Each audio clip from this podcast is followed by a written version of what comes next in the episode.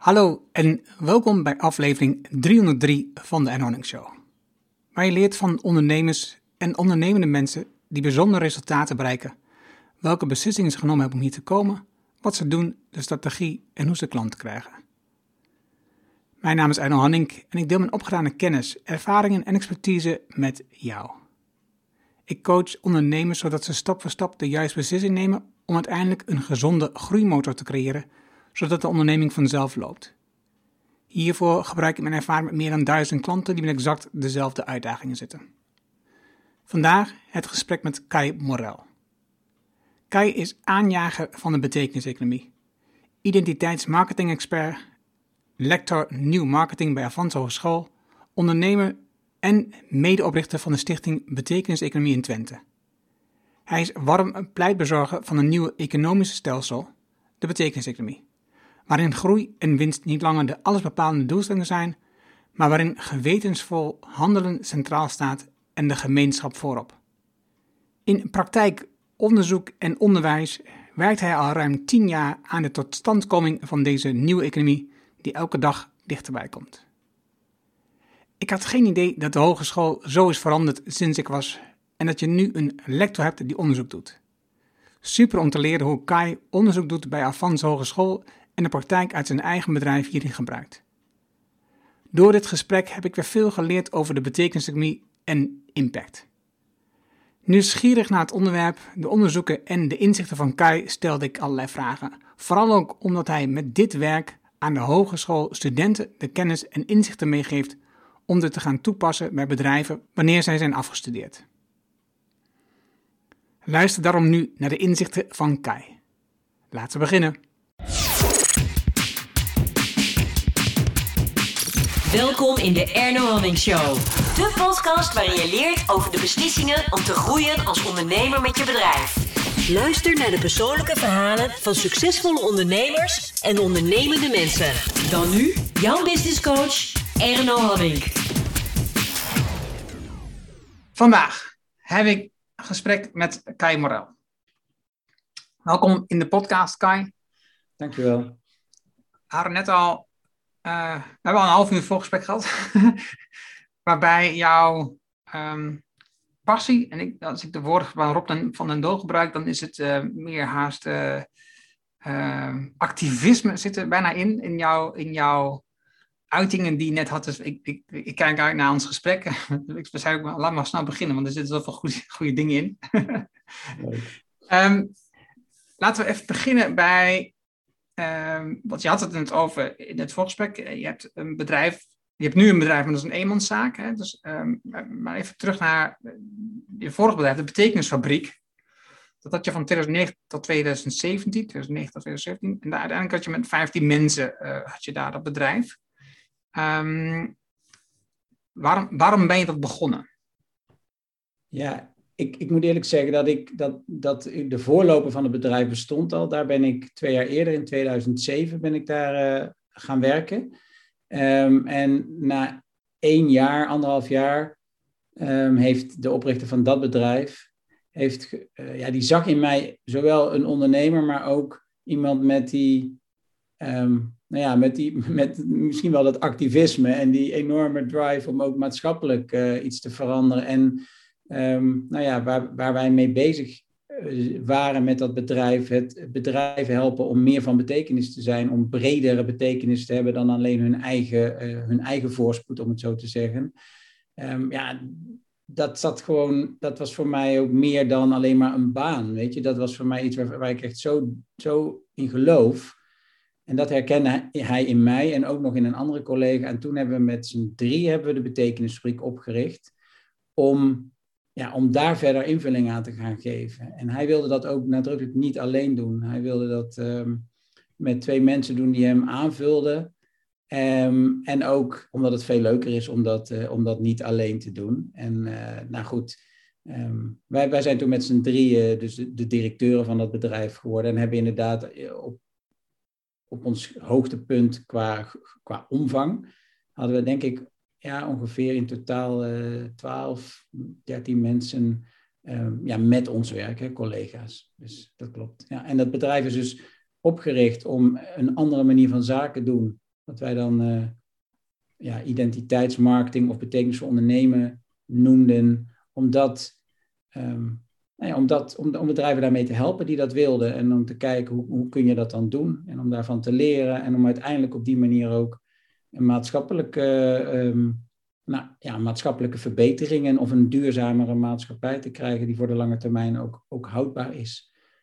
Um, dus dat, dat is de reden waarom we dat bedrijf uh, zijn gestart. En het is want ik, ik, zie het ook in jou, jouw arbeidsverleden, je werkervaring. Nou, in Cypelt, dus door elkaar heen, ook over je website zie je exact hetzelfde. Um, je hebt het over identiteitsmarketing en je hebt het over betekenis. Um, economie, betekenisvol nemen of in ieder geval ja. betekenis. Hè? En um, het, zoals je net ook schetste, het, het, het, klinkt voor jou als één en hetzelfde. Ja, klopt. En, en dat is voor mij een grap, een bijzondere, omdat ik zou denken, oké, marketing is een tool om ervoor te zorgen dat je dus meer producten verkoopt. Of dat je um, iets positioneert op een manier uh, waardoor mensen het kopen. Dus, dat je, dus marketing is een tool om, om, om te consumeren. Ja. En, en dus hoe, hoe, hoe koppel jij dat aan betekenisvol?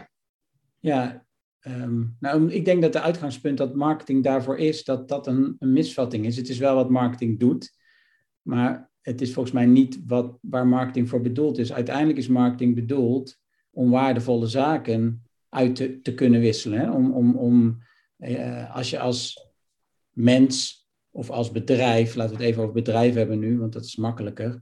Als jij iets, waard, als jij iets hebt, een dienst of een product waarvan jij denkt dat dat heel erg waardevol is, ja, dan is het natuurlijk ongelooflijk zonde als, als dat product bij niemand terechtkomt. En marketing zorgt ervoor, of is, is, is eigenlijk het vak in de, om, om, uh, ja, om daar mensen blij mee te maken, die daar ook echt wat aan hebben. Um, en dat is in de, in de pure vorm, uh, is dat iets waar je allebei beter van wordt. Nou blijkt in de praktijk dat marketing vooral ingezet is, heel lang, vooral om het bedrijf er beter van te laten worden. En ook met een hele eenzijdige kijk op wat waarde is.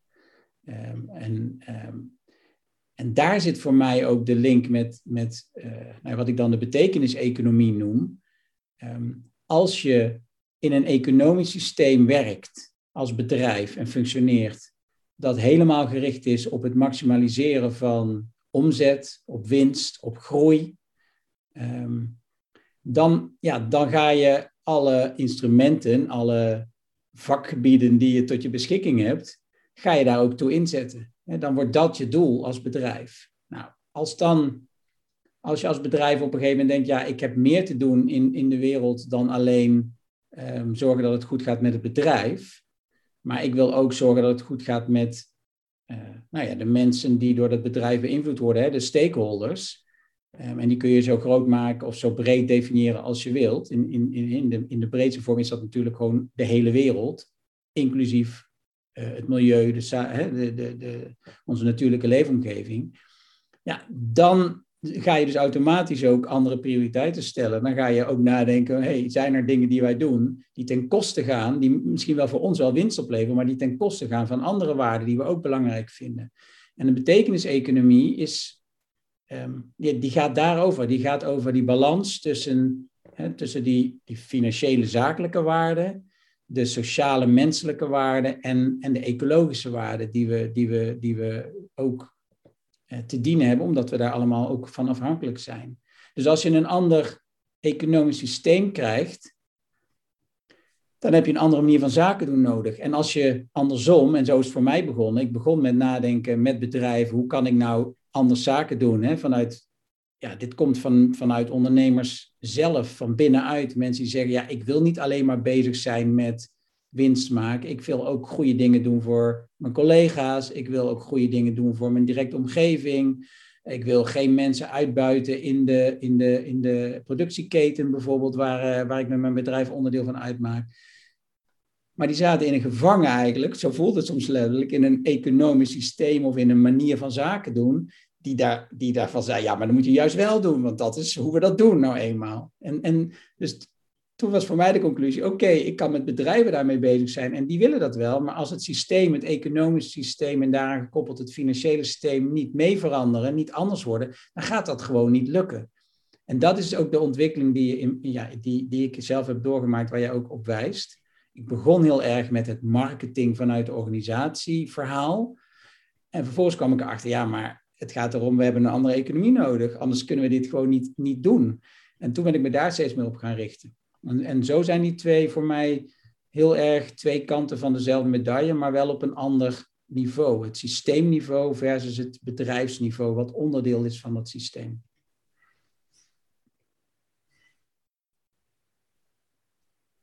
Het, het lijkt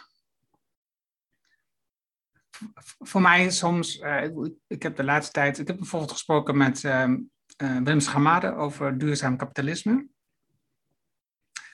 En het, het, lijkt soms een, een, hele lastige strijd om die economie aan te passen. Het is om, om de, de krachten zijn zo immens groot. Het is niet, het is niet je zegt al, als je de marketing van een bedrijf kijkt, dan, zie, dan loop je al vast. Hè? Want de markt van bedrijf, dat hij dat anders zal doen, is gekoppeld aan bijvoorbeeld dat je een lening moet hebben bij de bank. Die dan naar de cijfers kijken, die alleen maar gaan over de groei van het bedrijf. En niet hoe goed je het doet voor de samenleving of voor de maatschappij of voor het milieu. Um, gisteren zat ik een stukje te kijken van een documentaire um, van Twan Huizing, Huizing, hoe het? Twan Huizinga. Nee, dat is niet Twan Huis, denk ik. Twan Huis toch? Of Twan Huis, dat is het. Ja. Over, over um, het gas wat we van Rusland kopen en de afhankelijkheid die we ermee creëren. En met uh, Willem had bijvoorbeeld over de afhankelijkheid die we nu hebben van, uh, met Amerika, maar ook die we aan het creëren zijn met China. En dus, uh, waarbij dus veel meer het idee komt, we moeten een soort, we moeten als Europa veel krachtiger worden waardoor we ons eh, beter kunnen beschermen tegen die invloeden van, van dat soort grote partijen. En, en nu zit ik gesnapt te denken, oh, dat moet Rusland moet daar dus ook bij. Die hoort er ook bij, dat, die willen ook macht over ons krijgen. Maar, maar het, het, lijkt, het lijkt een hele ingewikkelde strijd om dat te veranderen. Hoe, hoe, hoe breng je er energie op om dat voor elkaar te krijgen?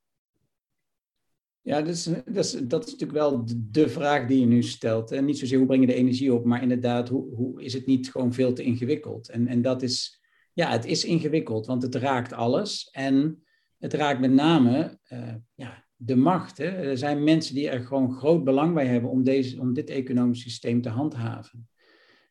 Ik hou me vast uh, aan het idee dat we echt geen keus hebben, want we zitten allemaal in datzelfde, op die, we leven allemaal op diezelfde planeet. Dus je kunt je kop in het zand steken en je kunt uh, zo doorgaan. Maar dan weten we één ding zeker. Dan zijn we er echt over een aantal jaren. En laat het er 30 zijn, misschien zijn het er 50.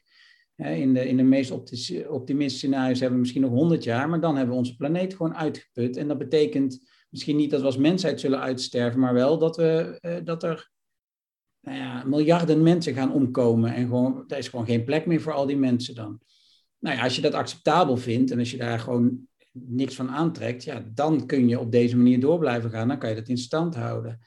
Um, ik, ik denk, nou, ik vind, dat geen, ik vind dat niet acceptabel. Dus ik, los van of ik geloof dat het gaat lukken, ik, ik vind dat ik gewoon niets anders kan doen dan dit proberen. Want ja, dat is de verantwoordelijkheid die ik voel. En ik ben ook best ergens ook optimistisch, omdat ik zie dat er al enorm veel veranderd is. Toen ik hier nou, zo'n beetje tien jaar geleden, twaalf jaar geleden met deze ideeën uh, begon, ja, dan werd je echt glazig aangekeken. Was je wel nog steeds werd je sympathiek gevonden, maar ja, je had eigenlijk niet begrepen hoe de wereld in elkaar zat. En nu blijkt dat, dat we misschien juist al heel goed begrepen hoe de wereld in elkaar zat. En dat we daar wel heel snel mee waren met het verhaal, te vroeg. Maar nu is het eigenlijk er is eigenlijk niemand meer die dat verhaal ontkent. Het is alleen, ja, het doet pijn. Je moet daar dingen voor gaan laten. En daar houden mensen niet van. Hè? Dus de menselijke, ik ben psycholoog, eh, sociaal psycholoog van, van achtergrond en opleiding. En de menselijke natuur is echt geprogrammeerd voor korte termijn behoeftevervulling. Dat, dat vinden we gewoon heel fijn. En dat heeft ook een functie gehad altijd. Wat we nu nodig hebben, is uitstellen van die korte termijn behoeftevervulling. Um, ten gunste hè, eh, van de toekomst. Omdat te kunnen blijven doen. We zullen dus echt offers moeten brengen en die doen pijn, want we raken, we zullen dingen moeten opgeven die we nu, waar we nu erg op, op gesteld zijn. En dat maakt het ook ingewikkeld.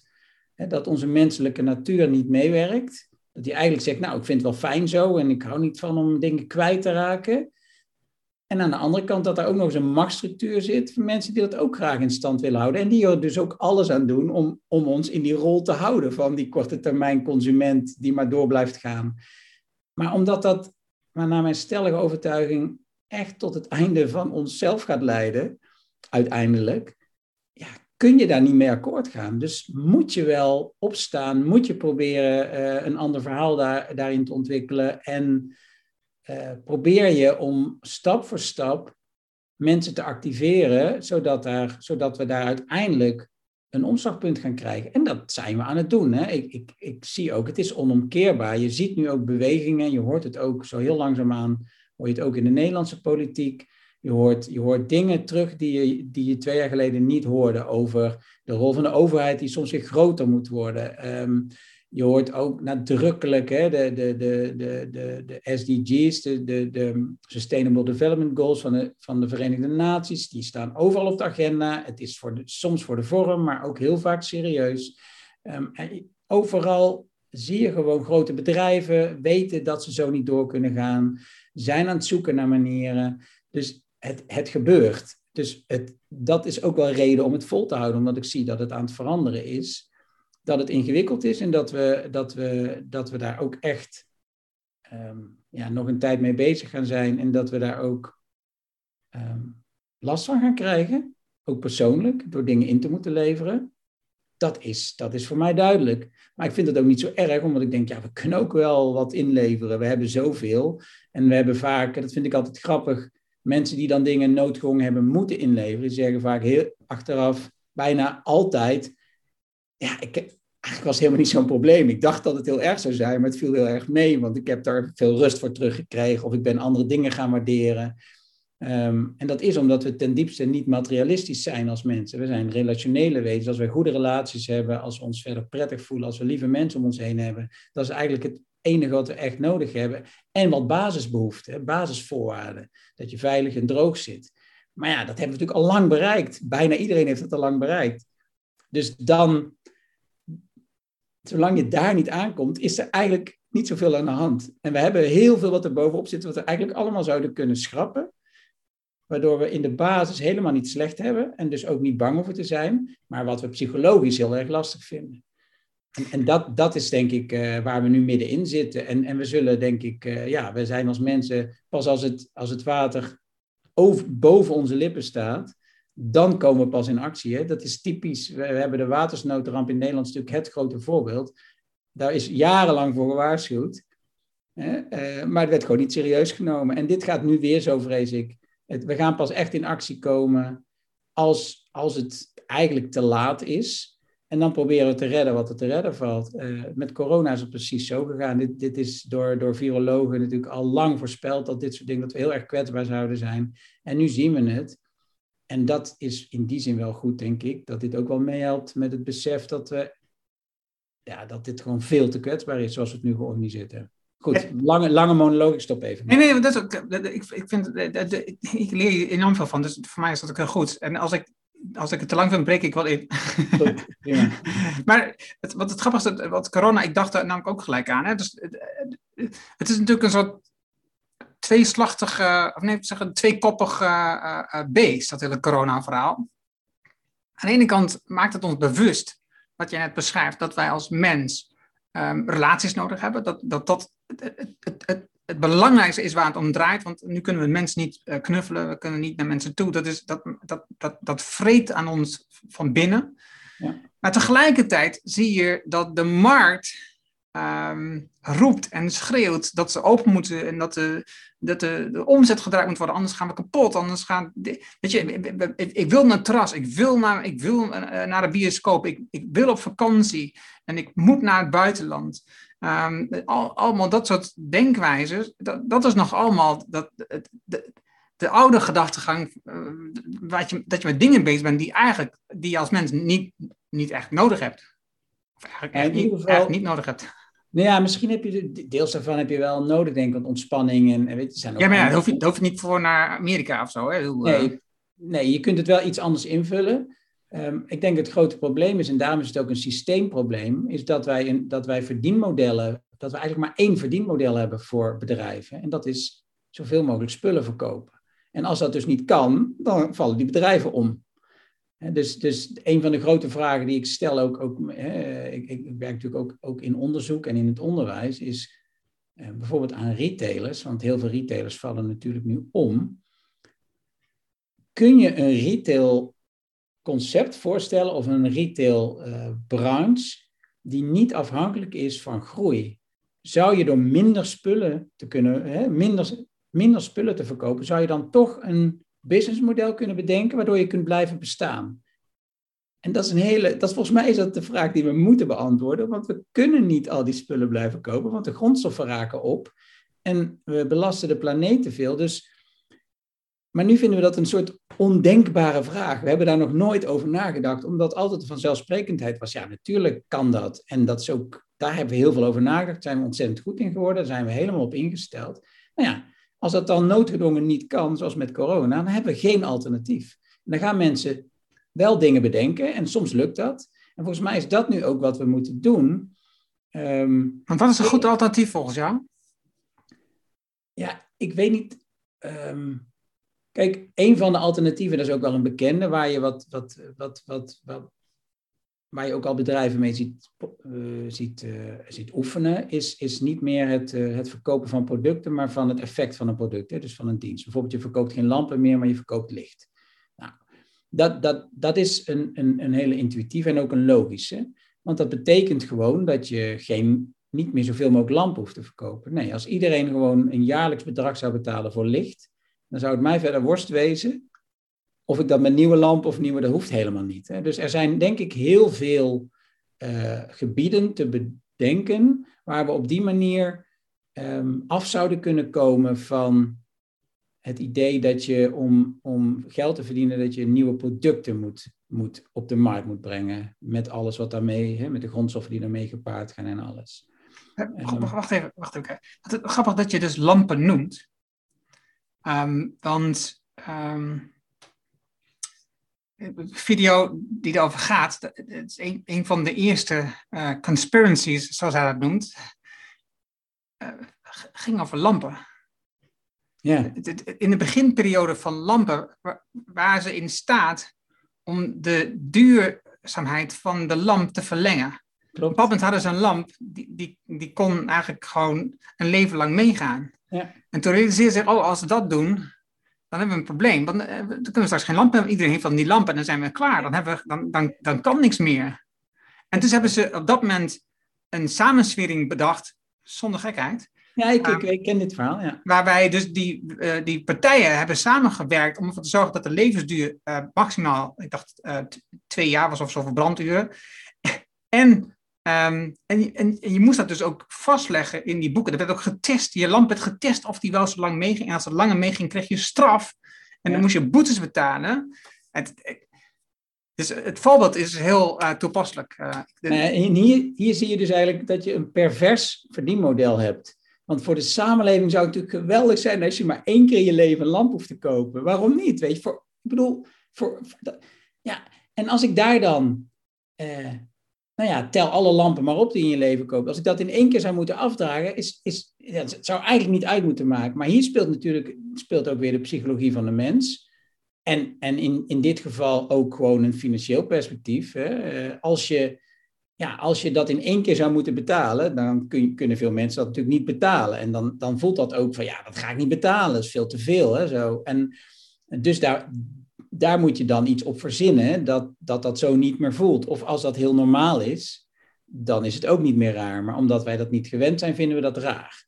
Ehm, om, zoveel geld in één keer voor iets uit te geven. Bij auto's doen we dat wel, maar dan, eh, dan eh, krijgen we betalingsregelingen. En bij andere dure aankopen, bij een hypotheek. We hebben allemaal hypotheken bij. Dat is natuurlijk ook gewoon een betalingsregeling. Dus waarom zouden we dat niet ook voor heel veel andere dingen kunnen doen? Nee, dat vinden we raar. Dus Um, en, en dit vind ik dus het interessante aan, aan hoe, hoe, die, hoe al die factoren die ik net zei, de psychologie en het systeem, hoe dat dus samenwerkt om iets te creëren waar we als samenleving, eigenlijk hadden we de oplossing al, maar we hebben hem bewust gewoon kapot gemaakt, omdat we, geen, omdat we voor het andere, voor het verdienmodel van bedrijven, geen goede oplossing hadden.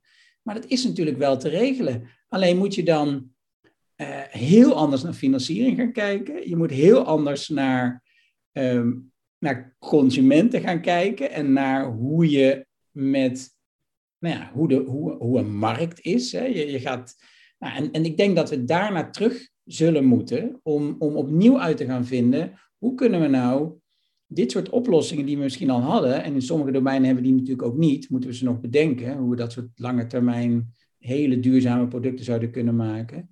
Um, en tegelijkertijd, als je dat dus, als je wil dat dat gaat gebeuren en je weet dat consumenten daar niet in meegaan omdat ze psychologisch daar gewoon niet voor geprogrammeerd zijn, dan zul je dus denk ik als overheid of als andere partij soms ook dingen gewoon moeten verplichten. Dus ik geloof ook dat we daarin ook weer moeten, naar een andere rol moeten dat je soms ook dingen verplicht moet stellen. Um, ja, 100 kilometer, uh, hoop gedoe over, maar nu rijdt gewoon iedereen netjes 100 over het algemeen. Dat zie ik, valt me gewoon op. Helemaal geen issue meer. Uh, rookverbod was uh, ook. Dus soms werkt het ook gewoon om dingen um, met een goede uitleg, denk ik, om die ook gewoon op een gegeven moment af te dwingen. Omdat het anders, omdat mensen dat zelf gewoon niet kunnen, omdat de verleiding om het niet te doen te groot is. Nou ja, moet je erkennen. Dus we helpen je een beetje, zoals we kleine kinderen ook helpen om ja, om, niet, om de snoeppot weg te zetten als ze daar weer een graai uit willen doen. Want we zeggen, ja, dat doen we niet meer, weet je. Maar wij durven dat niet, want we mogen vooral elkaar niet betuttelen. Maar ja, wat is betuttelen als het leidt... Ik, heb, ik word liever betutteld en dat we dan over 50 jaar nog een wereld hebben waarin je goed kunt leven, dan, dan dat ik helemaal vrijgelaten word en, en mijn, eigen, hè, mijn eigen ondergang mee inluid of zo. Ja, ik, ik denk, we hebben, dat heeft ook met verantwoordelijkheid te maken. Hmm. Dus, dus dat goed snappen, hoe, hoe de individuele mens in elkaar zit, hoe het systeem werkt en wat er dus nodig is en welke rol je daar dus in zou moeten spelen. En dat opnieuw met elkaar bespreken en op een gegeven moment vaststellen, dat is volgens mij in ieder geval iets wat ons gaat helpen om dit soort gekkigheden, die jij net noemt, met het voorbeeld ook, en die er heel, in heel veel vlakken zitten, om die, om die op te lossen. In de ziekenhuizen bijvoorbeeld, dat vind ik ook zoiets. Um, de gezondheidszorg, heeft er baat bij als wij ziek blijven, want je krijgt, je krijgt betaald per behandeling. Dus ja, dat is natuurlijk een, vanuit maatschappelijk oogpunt is dat een waanzinnig idiote uitgangssituatie. Maar vanuit commercieel oogpunt is het het enige wat we kunnen bedenken, blijkbaar. Ik vind dat heel vreemd en ik denk, we zijn zo knap, we moeten dat wel kunnen bedenken. Maar dan moeten we ook onze gewoontes aanpassen en onze instincten af en toe even proberen wat uh, om te vormen. En dat is dus volgens mij ook wat we te doen hebben en waarom we er ook allemaal iets mee, mee te maken krijgen en ook iets in zullen moeten willen gaan proberen te doen. Ja. Ik denk dat het kan, want nogmaals, we hadden die lamp al, dus we hadden hem ja. al bedacht. Hè? Ja, precies. Dus, en dat is mijn stelling. We hebben alles al wat we nodig hebben. We weten alles al. Um, alleen we hebben nog niet de gewoontes en het systeem ook zo ingericht dat het vanzelfsprekend is om dat te doen. Nee, we hebben dat. We houden iets anders in stand. En het grappige is, je had het, we hadden het net in het voorgesprek al over, dat als je, als je kijkt naar um, de voor, voor voorouders van ons, weet je, de, dus de, de Indianen, de Maori, um, de indigenous people. Um, en daar had ik het boek ook over genoemd, De Goede Voorouder van Roman Knastrik. en daar zie je dus dat er, dat er toch een soort inzicht ontstaat, dat je gaat nadenken niet alleen over je eigen toekomst. Want um, nou ja, met, een beetje geluk reken ik altijd dat ik nog zo'n 30 jaar te gaan heb. Uh, nou, tot mijn 80 is iets minder dan 30 ondertussen. Ja, ja, ik overleef dat wel, die periode. Dus, dus dit gaat aan mij voorbij. Maar ik beschouw mezelf niet zo egoïstisch dat ik alleen maar denk aan mijn eigen leven. Ik denk ook, wat zou dit betekenen voor de kinderen van mijn kinderen en daar de kinderen van? Weet je, en, en uh, Roman die heeft het over zeven generaties. Dat komt dan van Indianen. Dus zij denken zeven generaties verder. Dus wat, wat doen we nu? Um, en wat betekent dat voor de mensen over zeven generaties? Dat is bijna een, een onmogelijke opdracht voor de mensen die nu leven in deze ja. maatschappij. Omdat, omdat we zo erg bezig zijn met consumeren, dat je niet, dat je niet kunt bedenken over producten en, en, en, en dingen die je wilt verkopen over zeven generaties, maar dat is helemaal niet van belang. Nee, nee dat, de kracht van die zeven generaties, wat dat natuurlijk doet, is dat je alleen nog maar kunt nadenken over dingen die heel wezenlijk zijn.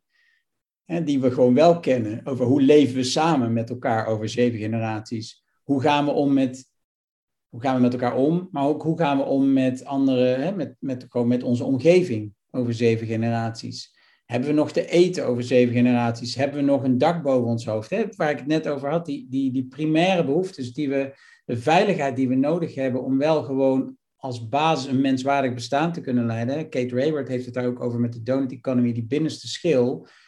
Ieder mens op aarde moet minimaal een menswaardig bestaan kunnen leiden. En dat moet aan de andere kant de buitenste schil kunnen binnen het ecologische systeem wat we hebben. En daarbinnen hebben we het gewoon met elkaar te doen, hoe je het ook bent of keert.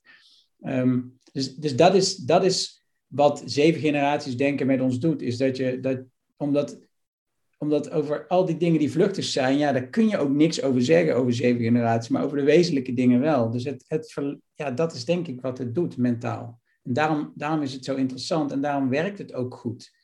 Uh, omdat je dan echt alleen over de allerbelangrijkste zaken maak je druk. En de rest zie je ook wat het is. Het zijn vluchtige dingen van tijdelijke aard, die geen fundamenteel effect op ons leven zouden moeten hebben. Maar wij hebben het omgedraaid, zo'n beetje. Ja. Denk ja, het is een, nou wat ik al zei, het is een mega interessant onderwerp en tegelijk ook heel ingewikkeld, omdat het allemaal met elkaar verwoven is. Je, je zei het al, je, moet er wel in geloven, dat is wat jij ziet, want dat is eh, er is geen andere weg meer. Eh, we wachten tot het water aan onze, net iets boven onze lippen uitkomt, want dan, dan, dan, dan, dan kan niet anders. Eh, ik had het er met Tom de Bruin ook over. Ehm, en hij heeft het over, want jij had het ook, we moeten met minder. Dus, maar hij zegt, en hij is ook marketeer. Ja. Maar hij heeft het meer over gedragsbeïnvloeding. Weet je. En dus hij zegt, weet je, het is veel slimmer om te zorgen dat je het een, een ander perspectief plaatst, waardoor we niet denken dat, het, ehm, dat we iets wegnemen. Maar je moet in een perspectief plaatsen waardoor je denkt dat je iets nieuws krijgt, iets, dat je iets ervoor in plaats krijgt, dat het iets beters wordt in plaats van dat. Want dat is natuurlijk het gevoel wat we nu krijgen. Als we uh, willen veranderen, dan, dan, dan moeten we minder vliegen bijvoorbeeld. Of we moeten de auto de, de deur uit doen. Of we moeten um, uh, minder stoken of wat dan ook. Alles is op geënt eigenlijk dat het minder moet. En dat is, dat is gewoon ingewikkeld, dat is lastig. Want eh, als mens, we weten het, op het moment dat je um, een bepaalde nieuwe situatie zit, dan wennen we daaraan en dan vinden we dat fijn. Um, maar dan weer terug, ja, dat is heel ingewikkeld. Ja. Um, jij bent, daar hebben we het net even over, um, zeg ik het goed, um, aan de Avans Hogeschool of Applied Science. En, en daar hou je je bezig met nieuwe marketing. Ja. En je hebt tegelijkertijd heb je ook nog steeds een bedrijf. Uh, je hebt nu dan de zaak van betekenis. Hoe balanceer je dat? Ja, dat, voelt niet als een balans, omdat, uh, omdat het, uh, het gaat allemaal over hetzelfde. Ik ben eigenlijk uh, in al die gevallen met hetzelfde bezig. Ik doe natuurlijk wel andere dingen. Um, maar voor mij gaat het erom om mensen bewust te maken dat er een ander verhaal mogelijk is, een andere manier van zaken doen mogelijk is, dat daar principes onder liggen die je kunt, hè, die heb ik heel tastbaar gemaakt, tien principes van, de, van betekenis voor ondernemen ja, dan kan je gewoon mee naar een ondernemer stappen en zeggen van, joh, hoe kijk je hiernaar en wat zou jij hiermee kunnen? Eén, wil je hier iets mee? Is dit voor jou ook iets wat belangrijk is? En zo ja, um, wat zou jij kunnen doen om volgens deze principes te gaan leven met je bedrijf? Zo, zo, want dat is het wel, het is een principiële keuze om het anders te willen doen. En veel mensen willen die keuze ook maken. Ik, ik heb eigenlijk, wat ik steeds hoor, dat is heel grappig, dus als je dan die principes zo uh, laat zien, en ik heb veel lezingen gedaan en met veel ondernemers gesproken, altijd is de reactie, je kunt het hier niet mee oneens zijn. Deze zijn zo logisch, deze principes, maar hoe doe ik dit? Weet je? Dus de vraag of we dit willen is volgens mij al veel, voor veel mensen niet eens meer de orde, maar wel hoe. hoe. En dat heeft weer te maken met dat zij aan alle kanten omringd worden door gewoontes, door een systeem wat volgens andere principes um, ingericht is. Noem, dus noem, die, noem die tien principes even voor, voor ons. Ja, ik kan ze niet allemaal uit mijn hoofd noemen. Nou, noem, noem een aantal. Maar, maar, nee, want ik kan, dan moet ik ze erbij pakken. Ik heb ze niet bij. Maar, maar de, de eerste bijvoorbeeld is, wij zullen nooit iets verkopen wat slecht is voor iemand anders. Nou, ga, stel je die vraag, maar wil je dat? Hè? Is, dat, is, dat, is dat, als je ten diepste in je hart kijkt als, als ondernemer, zeg je, is dat iets wat ik eigenlijk zou willen? Nou, ik denk dat de meeste ondernemers zeggen, ja, liever, liever wel. Hè? Ik zou liever nooit iets verkopen waar iemand anders slecht van wordt. Nou, en dan de volgende vraag, en wat doe je nu?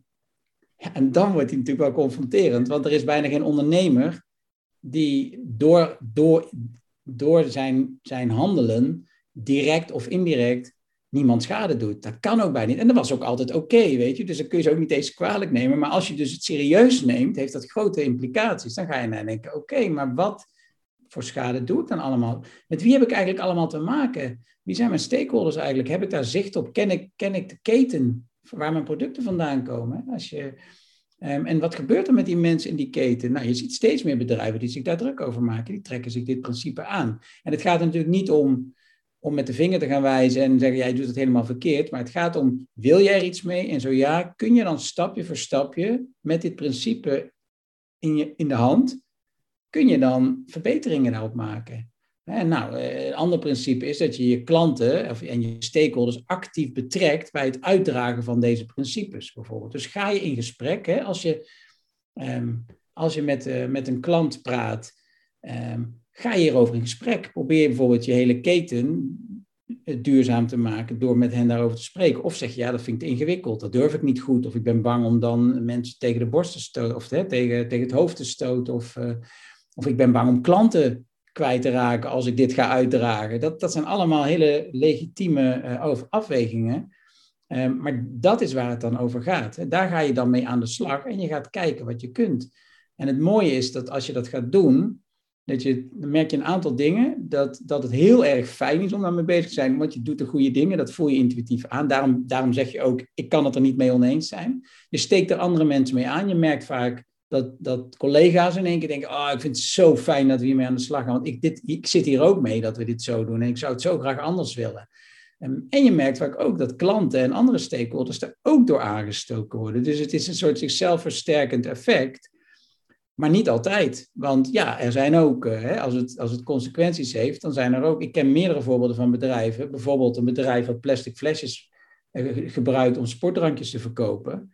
Zeg ja, ik, wil dat niet meer. Ik zoek een leverancier die gewoon een ander materiaal heeft dat ik kan gebruiken.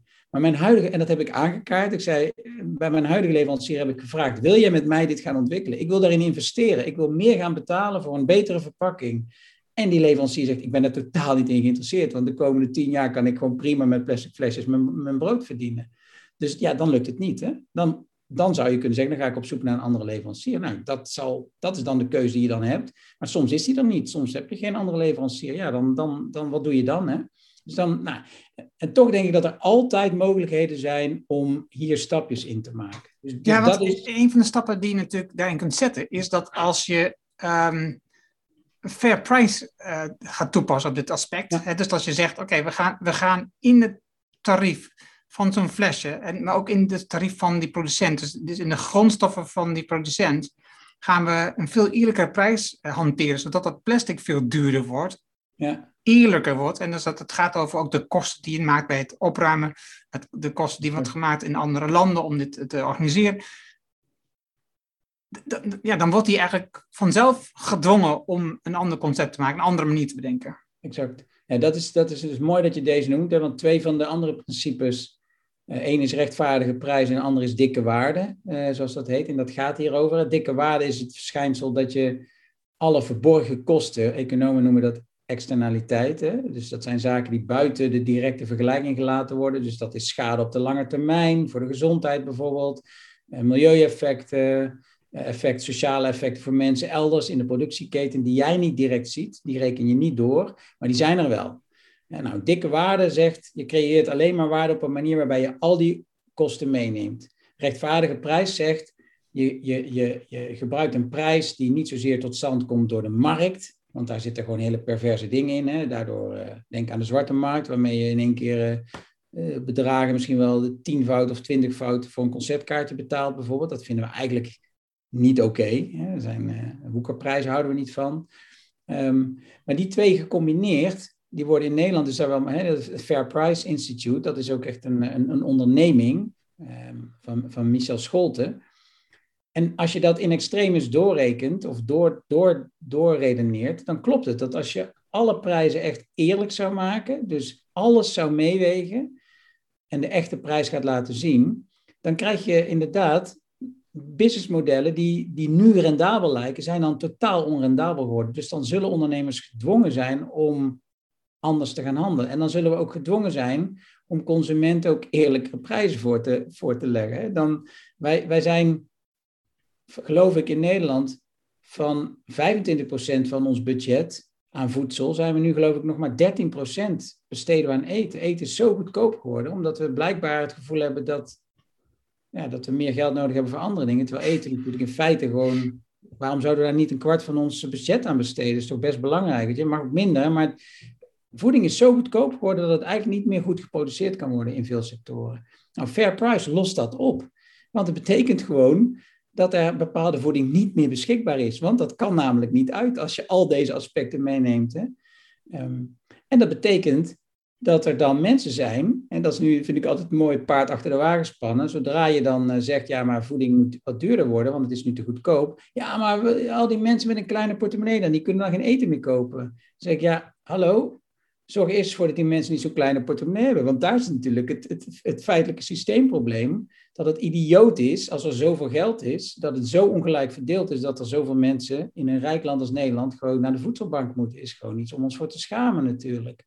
Maar als we dat, en al die dingen zouden opgelost kunnen worden als je dat principe van die, van die fair price, als je dat echt zou meenemen, als je gedwongen zou zijn om op die manier zaken te doen, dan zouden heel veel bedrijven gewoon failliet gaan in het huidige model. Want ja, die krijgen hun spullen niet meer verkocht, want die worden of veel te duur. En dan moeten ze dus iets bedenken daarvoor. En dan denk ik dat er bedrijven verdwijnen die ook maatschappelijk gezien prima zouden mogen verdwijnen. Waarom hebben we, weet je, waarom moeten we ja, zoveel verschillende supermarkten hebben? Waarom moeten we zoveel budgetwinkels hebben voor dingen? Waarom moeten we honderden smaken chips hebben? Er zijn zoveel dingen die, we, die, die dan zouden verdwijnen, omdat ze eigenlijk totaal ja, niks toevoegen. En dat wordt dan wel duidelijk. Dus ik vind dat wel een hele mooie. En, en um, ik vind ook erg mooi dat dat een, een, Nederlandse onderneming is van jonge mensen die daar heel erg veel in doen. En er is ook een winkel uh, in Amsterdam waar je gewoon de echte prijzen van producten kunt zien. En die winkel schijnt geweldig te draaien. Hij is nu natuurlijk dicht geweest tijdens ja. corona.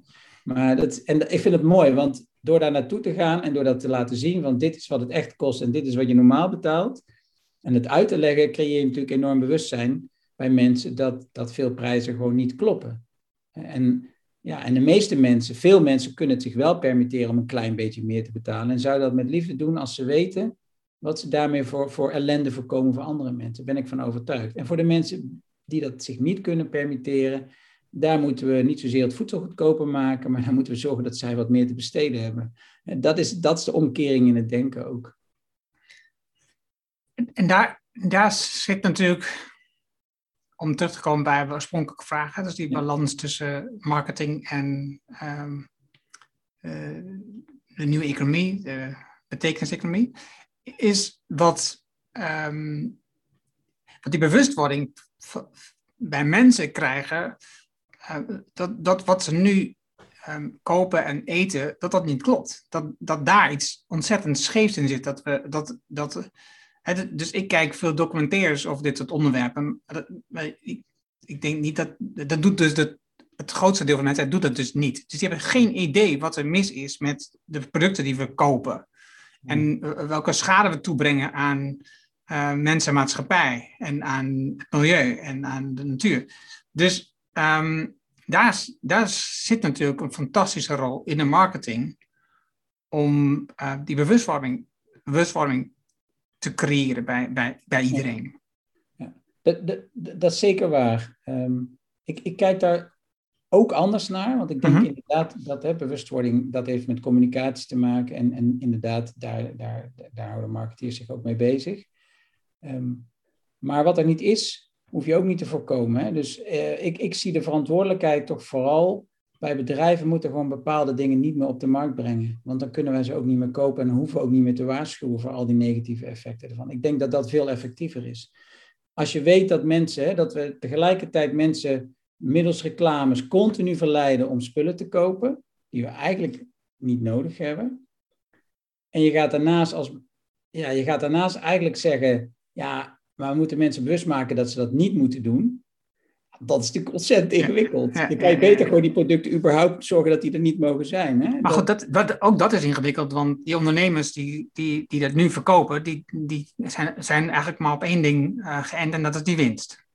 Ja, dus ik, nou ja, goed, zoiets als die fair price zou dus kunnen helpen om dat soort ondernemers gewoon buiten schot te zetten, want die zijn eigenlijk, die, die, die creëren dunne waarde, hè, de tegenstelling van dikke waarde, dus die zijn eigenlijk een maatschappelijk faillissement aan het bewerkstelligen. Nou, elke ondernemer die op die manier zou ondernemen, die failliet gaat, zou dat niet blijven doen. Hè? Als dat zichtbaar wordt, als het, niet, als, het niet, als het hen echt daadwerkelijk direct gaat raken zelf, in plaats van dat het afgeschoven wordt op anderen, wat nu gebeurt, dan, dan kunnen ze ook zo niet doorgaan. Dan zullen ze dat ook niet meer willen. Dus dat is precies waar, waarom het een. Hè, waar ik ook, het is ook iets van het systeem. Als je dat soort dingen zou regelen, stel dat je dat verplicht zou stellen.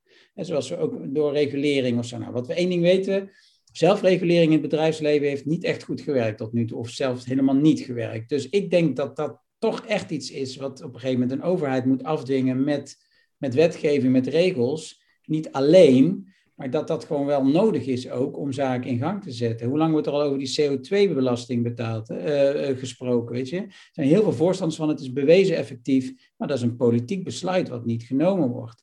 Maar, maar daar, daar zit natuurlijk um, lobby achter van de bedrijven die dat, die dat vermoeilijken. Die dat, die, ook, diezelfde bedrijven zeggen, nee, we moeten de overheid juist um, afbouwen. Hè. Dus het moet veel minder, er, moet, er zitten enorm veel uh, kosten in de overheid. Dat moeten we terugbrengen, want dat, dat, dat komt dat terug in de maatschappij. Dat is de grote mythe die, uh, die onder Reagan is ingezet door de overheid als grote boeman te bestempelen. Um, en, en bedrijven, het was vorige week nog weer een, een berichtje. De, de, grote bedrijven die zijn allemaal bezig om de macht van de vakbonden bijvoorbeeld af te breken. Uh, de Ubers, nou, hè, we kennen het allemaal, onder het motto van geweldig, je bent helemaal individueel en ieder zijn eigen ondernemer. is gewoon een fabeltje, want in de praktijk heb je nergens meer recht op. Zijn al je, uh, al je, uh, je hele positie als arbeider, als werknemer is totaal uitgehold. En wat, waar leidt het toe uiteindelijk? Tot heel veel ja, verborgen armoede onder, onder eenpitters hè, en, en uitbuiting. Het is gewoon bekend en het gebeurt niet altijd. Hè. Ik, wil het ook niet te zwart-wit schetsen, maar die grote effecten zijn bekend. En dat wordt bewust gedaan inderdaad door bedrijven die heel goed snappen hoe het systeem werkt en die daarvan profiteren. En die, ja, die, die kan niet anders concluderen, die gewoon scheid hebben aan wat de consequenties zijn voor andere mensen. Want ze weten het donders goed, hè, want het is zo zichtbaar, maar ze besluiten gewoon om daar niks mee te doen. En ze houden onder elkaar en met elkaar een soort fabeltje in stand dat dat gewoon normaal is en dat dat toch ook oké is en dat er ook allerlei voordelen aan zitten. Um, hè, en en het, het, een van die fabeltjes is dat de overheid beter klein kan zijn. Nou ja, ja, voor hen wel. Want dan kunnen ze lekker in gang gaan. Maar voor de samenleving is het niet bepaald goed. En voor die werknemers is het helemaal niet goed. Weet je? Dus het is het barst van de fabeltjes. En een van de dingen die ik ook probeer te doen, is om die fabeltjes door te prikken. Om mensen zelf die fabeltjes door te laten prikken. In, in mijn verhaal, wat ik vaak hou, heb ik het ook over de, mythes. Hè? De mythe van de groei, dat we moeten groeien.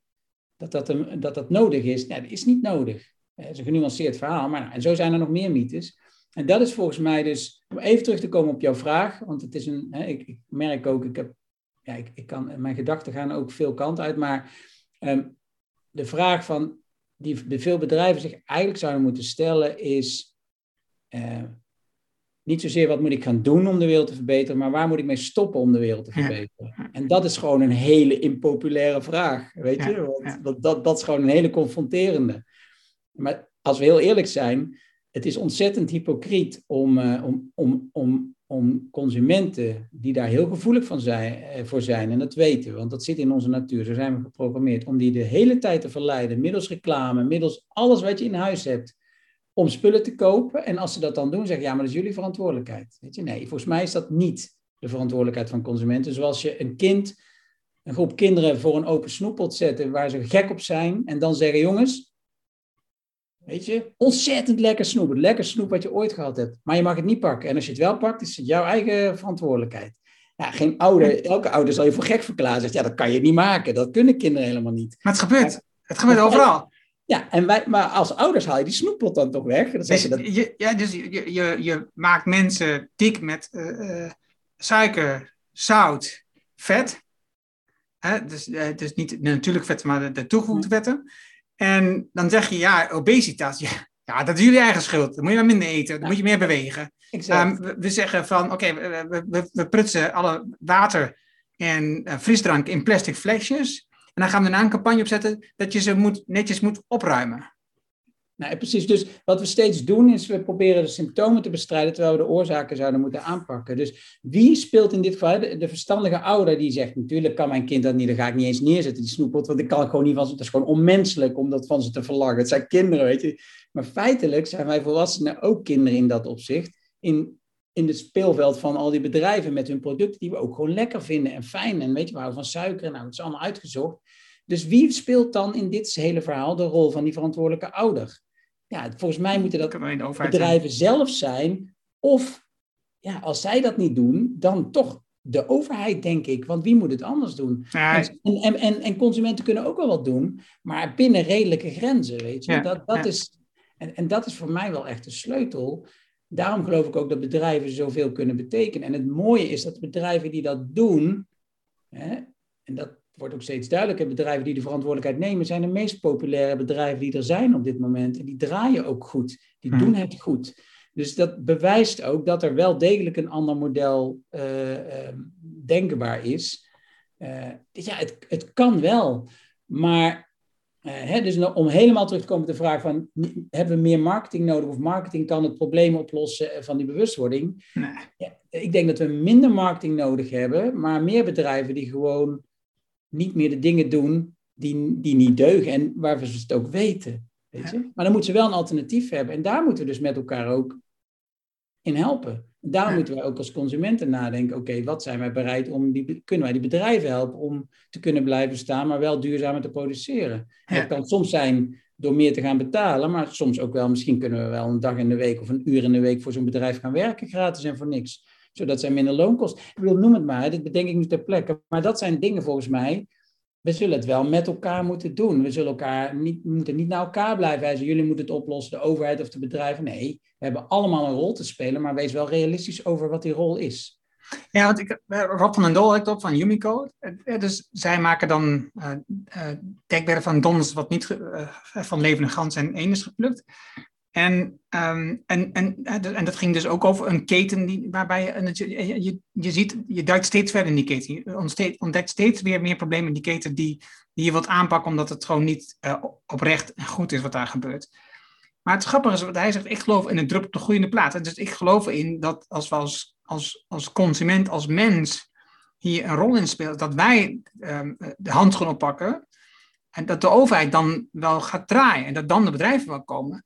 Want we kunnen niet vertrouwen op de overheid die dat gaat oppakken. En, en dus het grappige is dat dus daarin zie ik, op dat punt, wie nu ehm, dat moet doen, daar zie ik veel verschil in. Het is, de, het is de ene zegt nee, we moeten dat zelf doen. En, en jij geeft dan het voorbeeld, ja, maar eh, wij zijn zelf nog kinderen, het is heel ingewikkeld om zelf te doen. En, en, en ehm, Marianne Mazzucato bijvoorbeeld, die, die, die, die geeft een belangrijke rol naar overheid bijvoorbeeld. Ja, ja. En, en ik, ik zie hem ook. Ik denk dat de overheid hier een belangrijke rol in speelt. Zoals bijvoorbeeld wat je nu zegt, die 100 kilometer of ehm, de, de, nu de stop met de bouw vanwege eh, fosfaat. Eh, allemaal dat soort elementen. Die bouwbedrijven gaan niet vanzelf stoppen. En die boeren gaan ook niet vanzelf minderen. Dat is, dat is een heel klein aantal, denk ik. Hè? Dus, dit is een stelling die ik nu deponeer voor duidelijkheid. Ehm, we zien wel een paar boeren die dat anders doen, maar het grootste deel die zit vast aan de financiering met de bank, met het pand, met alles wat ze hebben gedaan, omdat hun bepaalde dingen zijn beloofd, eh, aan koppeling aan subsidies vanuit eh, Europa. Dit, dit, dit zit zo ingewikkeld in elkaar dat je daar als, als boer, mag je, dan, dan, dan moet je haast econoom zijn om hier uit te komen, om, dit, om, om een keuze te maken, om dit, om, dit, om dit los te weken voor jezelf. Ja, nee, ja ik, denk dat je gelijk hebt. Het is, dat, daar begonnen we ook mee. Het is, het is wel complex, maar uiteindelijk begint het toch. Uh, ik vond het wel mooi. Uiteindelijk begint het toch wel bij, bij dat, dat mensen zichzelf op individueel niveau afvragen: ja, in wat voor wereld wil ik leven? Hoe verhoud ik me tot zaken die nu gebeuren? En als ik iets niet normaal vind, hoe kan ik ervoor zorgen dat dat verdwijnt? En ja, de grootste fout is om te denken dat je nergens invloed op hebt, want dat is niet zo. Je invloed is wel beperkt. Maar zelfs um, als je maar heel weinig kunt doen, denk ik, ja, moet je toch proberen. Want, en, en, en, en dat is, hè, ja, Jaap Tielbeek heeft ook dat uh, leuke boek geschreven, vind ik zelf. Een betere wereld begint niet bij jezelf. Hij betoogt ook van dat we daarin wat misleid worden. Hè, onder die, die oudere die, die, die campagnes uit de jaren negentig of zo van betere wereld begint bij jezelf. Hij, zegt, hij gelooft dat ook niet. Hij zegt feitelijk uh, is dat min of meer het verhaal wat ik net vertelde, dat, dat, dat er veel meer uh, ja, mogelijkheden om de wereld te veranderen zitten bij, onder andere bij de overheid. Maar waar wij natuurlijk wel invloed op hebben, is hoe we stemmen bijvoorbeeld. Hè? Welke partijen, welk verhaal vertellen partijen over ons economisch systeem? Gaan we op partijen stellen, blijven stemmen die zeggen dat we moeten groeien of gaan we dat niet doen? Hè? Dus dat is wel, daar hebben we wel heel veel invloed op natuurlijk dan, dat, dan zijn we geen consument, maar dan zijn we burger. En er zijn natuurlijk ook bijvoorbeeld Anand Giridharadas, een beetje een ingewikkelde naam, maar die heeft een heel interessant boek geschreven waarom de superrijken de wereld niet gaan veranderen.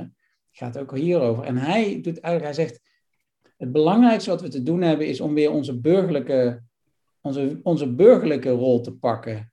Stop eens met alleen maar consument zijn, word burger en versterk de democratische instituties die we hebben. Zorg ervoor dat we ook een krachtigere overheid krijgen, juist.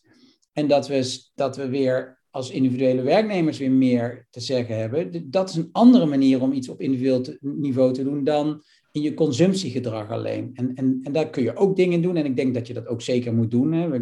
Alles helpt, dat geloof ik ook. Ehm, maar het is dus op meerdere vlakken kun je wel degelijk dingen doen.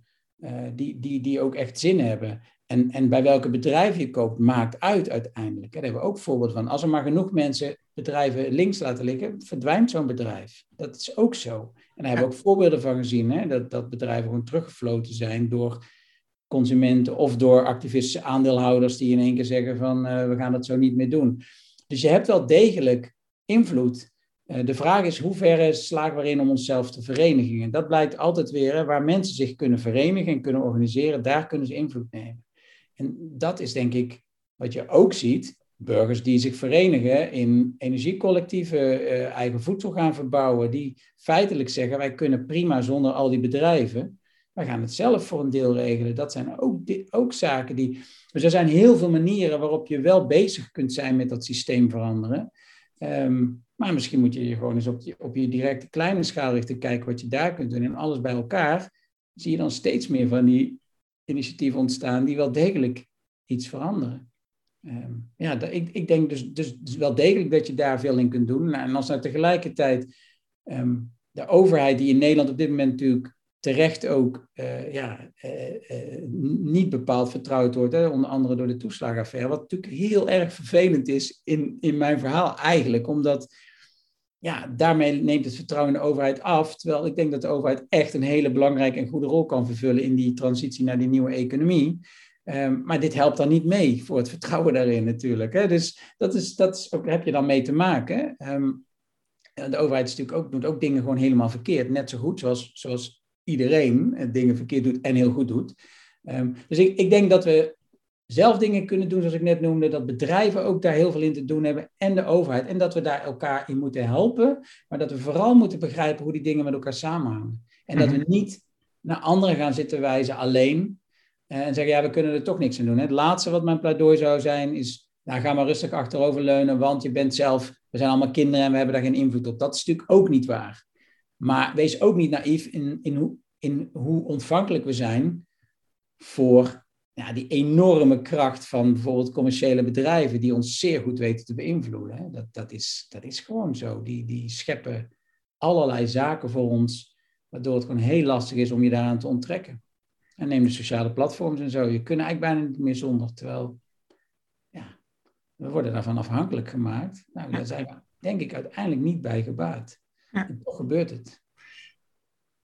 Als je komen bedrijven nu bij jou als ondernemer met de vraag: hoe zit het nu of hoe moet ik dit doen? Dus ze weten al dat ze anders moeten en ze, Ja. ze willen van jou horen hoe dat moet. Ja, toch iets meer dat laatste dan het eerste. Want het is natuurlijk ook eh, zelfselecterend. Als mensen mijn verhaal lezen en ze vinden het flauwekul, dan gaan ze natuurlijk ook geen contact met me opnemen. Ehm, maar het is vooral, eh, ja, mensen zeggen, ja, ik, wij willen dit. En, en, en, en we weten niet goed hoe we dat moeten aanpakken. En, en dan zeg ik, ja, ik weet het ook niet precies, maar ik heb wel een hele hoop dingen waar we mee kunnen beginnen. En dan kunnen we het gaan uitvinden. En ik weet ook wel, hè, ik kan je ook in contact brengen met allerlei andere mensen die al hiermee bezig zijn en die dingen al uitgevonden hebben. En dus je hoeft niet helemaal opnieuw te beginnen. Je hoeft helemaal niet van nul te beginnen. Er is al heel veel al bekend. Maar ja, alle oplossingen hebben we ook niet. Dat is ook gewoon zo. Omdat we, ja, dat is logisch. We zijn bezig met vanuit hele andere spelregels, opnieuw eigenlijk. Ehm, of uitgangspunt, want spelregels is eigenlijk altijd verkeerd. Het is geen spel. Maar vanuit andere organiserende principes voor onze samenleving moeten we nu dingen gewoon opnieuw ontwerpen. En dat kost tijd ook, is logisch. Hè? Moeten en dat gaat ook mis en, en, en soms gaat het goed. En net zoals al die andere dingen we nu hebben ook ontstaan zijn in een proces van trial and error. Hè? Dat, is, dat moeten we ook niet vergeten. Ehm, dus dat, dat, is, dat is waar de bedrijven mee komen. Ja, die, die die slag willen maken en zeggen, kun je ons helpen om dat, eh, om dat te doen? En ik krijg ook nog steeds vragen die wat kleiner zijn. Wij hebben als bedrijf willen we onze koers opnieuw bepalen. Wij willen, wij willen betekenisvoller worden. Eh, kun je ons daarin ondersteunen? Dus dan gaat het weer meer over het identiteitsmarketingverhaal. Ehm, dus dat, dat is wat ik. eh, en, en, en steeds vaker toch ook wel gewoon de uitnodiging: wil je ons gewoon eens komen. Wil je gewoon eens vertellen hoe jij naar zaken kijkt? We willen gewoon. We hebben gehoord dat jij dat goed kan vertellen. eh, en, en vinden dat gewoon mooi. eh, help ons eens mee om, om dit denken in gang te zetten. Dat, dat zijn de drie verzoeken die ik over het algemeen krijg. Ja. En, en wat doe je dan ehm, op, op, op, die school? Ja, wat ik daar doe is, is, ehm, is het, het, eh, ook het vertellen van het verhaal. Maar daarmee ook natuurlijk het toetsen van het verhaal. Want er, eh, er is ook nog heel veel in aan te scherpen, in te verbeteren. Ehm, dus dat is belangrijk. Zorgen dat dat verhaal in de, in, in de, in de, in de klasse komt van, hè, van de toekomstige eh, HBO-professionals. Ehm, nieuwe dingen uitzoeken middels onderzoek. En ook zorgen dat met, met de praktijk, met studenten, met collega-docenten dat onderzoek doen. Want door dat te doen ontstaat ook die bewustwording. En dan weer te zoeken naar manieren om dat uiteindelijk ook weer in de klas in lesmateriaal te krijgen en ze daarmee bezig te laten zijn.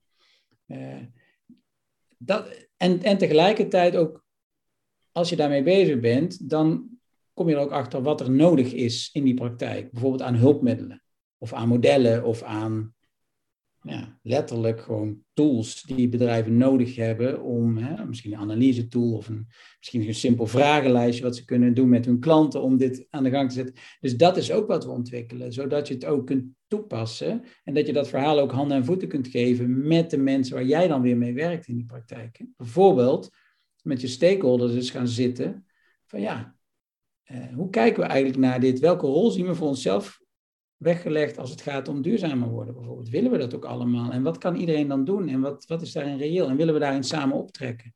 Nou, daar dingen voor organiseren. Er is nu bijvoorbeeld een student bezig. Er zijn heel veel bedrijven in de, die met bio-based materials bezig zijn. Dus uh, ja, materialen die weer helemaal afgebroken kunnen worden, circulair zijn. En die bedrijven hebben, zijn vaak technologisch georiënteerd en die hebben heel veel moeite om die producten op de markt te krijgen. Nou, één student is nu bezig om uit te zoeken hoe komt dat nou precies. Nou, daar weten we al wel het een en ander van, want er is al heel lang, wordt er al onderzoek gedaan naar waarom producten falen of niet op de markt. Dus we weten al een hoop, maar deze specifieke producten hebben weer wat eigen uh, aandachtspunten. En hij heeft de opdracht om dus ook iets te verzinnen, iets te ontwerpen, waarmee die bedrijven daarmee ook aan de slag kunnen. Dus dat kan een analyse tool zijn, maar het kan ook, ja, ik weet niet waar die mee gaat komen, dat is nou juist het leuke, dat gaat hij verzinnen. Maar het moet iets zijn wat die bedrijven helpt om die slag naar die markt te gaan maken. En nou, dat, dat vind ik een prachtige opdracht, want daarmee komt alles samen. Het oefenen, het zoeken, het, het verdiepen in het systeem, het begrijpen wat er aan de hand is. En dat doe je met je docent, dat doe je met een onderzoeker, uh, je wordt daarin begeleid en je doet dat met een aantal bedrijven die daarin meewerken. Ik denk dat dat een hele mooie manier is om, uh, om die praktijk van binnenuit maar wel gebaseerd op ook de kennis die er is, die vaak die praktijk anders niet binnenkomt, want dat zie ik ook, om dat op deze manier dus te veranderen en, en, en zo daarin te groeien. Dat is volgens mij ook wel echt misschien wel de enige manier waarop het kan gaan ook. Hmm. Door die dingen bij elkaar te brengen. En dat kan, in een, dat kan in een, op een hogeschool echt heel erg goed. Ja, dat is, dat is wel een hele andere hogeschool dan ik uh, ooit heb opgezeten. Is mijn indruk. Geloven, ja. ja. Uh, als, als laatste, um, want, weet je, ik kan nog wel lang met je praten over dit onderwerp. ja, het is, het is een groot onderwerp. Het is, ja. Nou, gewoon ja, jou, jouw inzichten hierin. Die, je, je hebt ook veel doordacht en um, dat, is, dat is super interessant. Maar identiteitsmarketing, ja. Um, wat houdt dat in? Ja, dat is het antwoord geven op de vraag: um, wie zou er werkelijk wat missen als wij er niet zouden zijn als bedrijf? Dus wat is nou hetgene wat wij toevoegen voor, voor wie? En wat vinden we daarvan? Uh, hoe belangrijk vinden we dat en hoe krijgen we dat dan als we dat, als we dat met elkaar bepaald hebben? En dat is altijd iets wat niet alleen goed is voor jezelf, maar ook goed is voor anderen, want anders is het niet betekenisvol. Hè? Dus dat zit er echt in. Um, hoe krijg je dat dan? Hoe kun je dan je hele organisatie zo laten functioneren, zo inrichten met de juiste mensen, met de juiste communicatie, met de juiste um, uh, ja, ook ontwikkeling van mensen in je bedrijf, met de juiste manier van met je netwerk omgaan. Hoe kun je dat dan doen, zodat je dat waar kunt maken, wat je het allerbelangrijkste vindt. En, en dat is wat ik identiteit noem, is, daarmee geef je eigenlijk antwoord op de vraag van, nou, wat zie ik in de wereld dat ik wil veranderen? Waar wil ik echt iets aan doen? En waarom vind ik dat zo belangrijk? Dus dat is welke, welke overtuigingen zitten daar voor ons achter? Stel je zegt als bedrijf, dat is bijvoorbeeld een zorginstelling, zegt wij willen in Enschede, wij zien heel veel armoede in deze stad en wij kunnen dat niet aanzien. We vinden dat echt, dat zou niet zo moeten zijn. Wij willen daar iets aan doen. Die hebben dat, die hebben dat in het hart van hun identiteit gezet. En zegt van, hoe kunnen wij bijdragen aan het oplossen van de armoede in Enschede? Die hebben zichzelf een ambitieus, eh, ambitieus doel gezet. Eh, ik weet even niet of het precies klopt, uh, het jaartal, maar zoiets als in 2030 is er geen armoede meer in Enschede. Sorry, geen, geen eenzaamheid meer, moet ik zeggen. Ik zeg armoede, maar ze zijn met eenzaamheid bezig, natuurlijk onder oudere mensen, ouderenzorg. Um, excuus. Um, dus dat hebben zij zichzelf als doel gesteld. Vervolgens ga je natuurlijk dan nadenken, wat doen wij op dit moment überhaupt in onze core business, in onze dienstverlening, en hoe beïnvloedt dat eenzaamheid? Nou, dat heeft te maken met hoe je mensen laat wonen bijvoorbeeld, hoe je mensen verzorgt, hoe je omgaat met bezoekersregelingen, hoe je omgaat met verpleging. Zijn dat steeds andere of zijn dat, weet je, wat organiseer je daarnaast? Uh, maar ook zie je je wereld alleen maar als de plek waar je dan als, als verzorgingshuis, want daar gaat het in dit geval om, mensen binnen hebt, of zie je ook mogelijkheden om naar buiten te gaan, hè, met, met, met uh, heel veel verzorgings... Um, instellingen nu, die doen natuurlijk ook aan thuisverpleging, hè, aan wijkverpleging. Wat kun je daar doen om eens... En welke partijen zou je daarbij kunnen betrekken? En zij hebben dat zo belangrijk gemaakt dat ze nu ook met allerlei partners die daar invloed op kunnen hebben, met scholen, met andere, met de gemeente, zijn ze heel interessant geworden en zijn ze samen aan het zoeken van we hebben allemaal dit belang, want de gemeente wil ook graag iets doen aan eenzaamheid. Um, ja, en al die organisaties verbinden zich rondom dit thema en waardoor zo'n zo'n organisatie een heel sterk merk wordt, hè, om weer even in marketingtermen te spreken, op dit gebied. Dat is, die dat is die organisatie die de eenzaamheid in Enschede wil uitbannen. Cool, daar wil ik wel aan meewerken. Daar wil ik ook werken. Hè. Stel dat je, in, dat je in de zorg werkt. Ja, en je, hebt, je kunt kiezen, want ik bedoel, er is een enorm tekort. Waar ga je dan werken? Dus het is voor hun ook meteen ja, eh, personeelsmarketing eigenlijk. Hè? Van, eh, als je een goed verhaal hebt, dan willen mensen voor jou werken. En bij schaarse mensen is dat natuurlijk cruciaal om door te kunnen gaan. Dus dat is waar identiteitsmarketing over gaat. Eén, om het te bepalen van wat is nou die essentie van willen zijn. En twee, hoe kun je er nou voor zorgen dat dat in alles wat je doet, zegt, meemaakt, uitstraalt, dat dat ook terugkomt, dat dat duidelijk wordt, dat het geloofwaardig wordt. Ja, en dan krijg je zoals ik vroeger pleegde te zeggen, maar ik vind dat iets te gelikt klinken. Maar eigenlijk is het wel wat er gebeurt. Dan word je een soort magneet. Je krijgt een enorme aantrekkingskracht. En het gaat zich verder. Je hoeft geen reclame meer te maken, want iedereen gaat over je praten. Um, nou we kennen dat soort merken natuurlijk ook wel. Hè? Die, die merken die op die manier, die iedereen kent, maar die eigenlijk nooit reclame maken. Ja, Dat is de kracht van een sterke identiteit.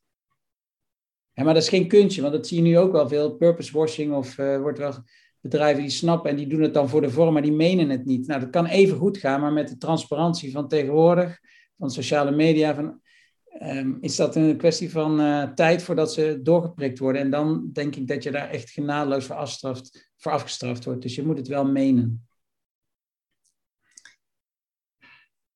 Kijk, het was uh, een waar genoegen om met jou over uh, deze dingen te, ik zou zeggen, bij een filosoferen, na te denken, uit te wisselen. Um, Dank je wel. Uh, jouw laatste boek, Tijd voor de Be Betekenisdemie, die is nog gewoon te bestellen. Ja. Um, waar kunnen mensen jou, als ze met jou hierover uh, contact opnemen, als ze iets willen vragen aan jou, of waar kunnen ze het beste met jou contact opnemen? Ik denk dat het handigst is om dat uh, te doen via uh, de zaak van betekenis. Dus uh, dat is kai.dezaakvanbetekenis.nl. Een mailtje sturen. Via mijn site kom je daar ook op. Um, dat is denk ik het, in deze context het, het, het, het meest handige om te doen. Super, dankjewel. Kai. Ja, heel erg bedankt voor de gelegenheid en een mooi gesprek. Dankjewel. Dat was het mooie gesprek met Kai. Je vindt de namen en links die we noemden in het artikel dat bij deze uitzending hoort. Ga daarvoor naar ernohanning.nl slash show 303. Wil je vanzelf automatisch de volgende aflevering op jouw telefoon? Dat kan heel eenvoudig. Heb je een iPhone, dan zit daar standaard de Apple Podcast app op. Open deze app, zoek de Erno Hanning Show op en klik op abonneer. Heb je een Android telefoon, ook eenvoudig, installeer dan bijvoorbeeld eerst de Player FM app. Open de app, zoek de Erno Show op en klik op abonneer. Dankjewel hiervoor. Heb je een vraag over deze aflevering met Kai of een opmerking of een suggestie voor de podcast in het algemeen? Stuur dan een e-mail naar podcast.ernohanning.nl. Dan weet ik het over de podcast gaat. Ik hoor heel graag van jou. Wil je leren hoe je impact zichtbaar maakt om klanten en medewerkers aan te trekken? Wil je weten wat de drie basiswaarden zijn voor resultaat? Hoe je meer resultaat krijgt door minder te doen en wil je de 7 tips leren om goed nee te zeggen? Vraag dan het boek Betere beslissingen voor meer impact aan op ernohanning.nl. Dit is mijn nieuwste boek en zoals gebruikelijk download je het helemaal gratis. Je hebt zelfs geen e-mailadres nodig. Er is ook een Kindle en EPUB versie. Wil je de papieren versie van het boek? Dat kan ook. Je betaalt dan alleen de verzendkosten. Tenminste, zolang als dit mijn nieuwste boek is. Vraag het daarom nu aan. Je vraagt jouw boek aan op ernohanning.nl en ik weet, je leest het in één avond uit, want je hebt een volle agenda. Dankjewel voor het luisteren en graag tot de volgende. Dankjewel voor het luisteren naar de Erno Hanning Show op ernohanning.nl.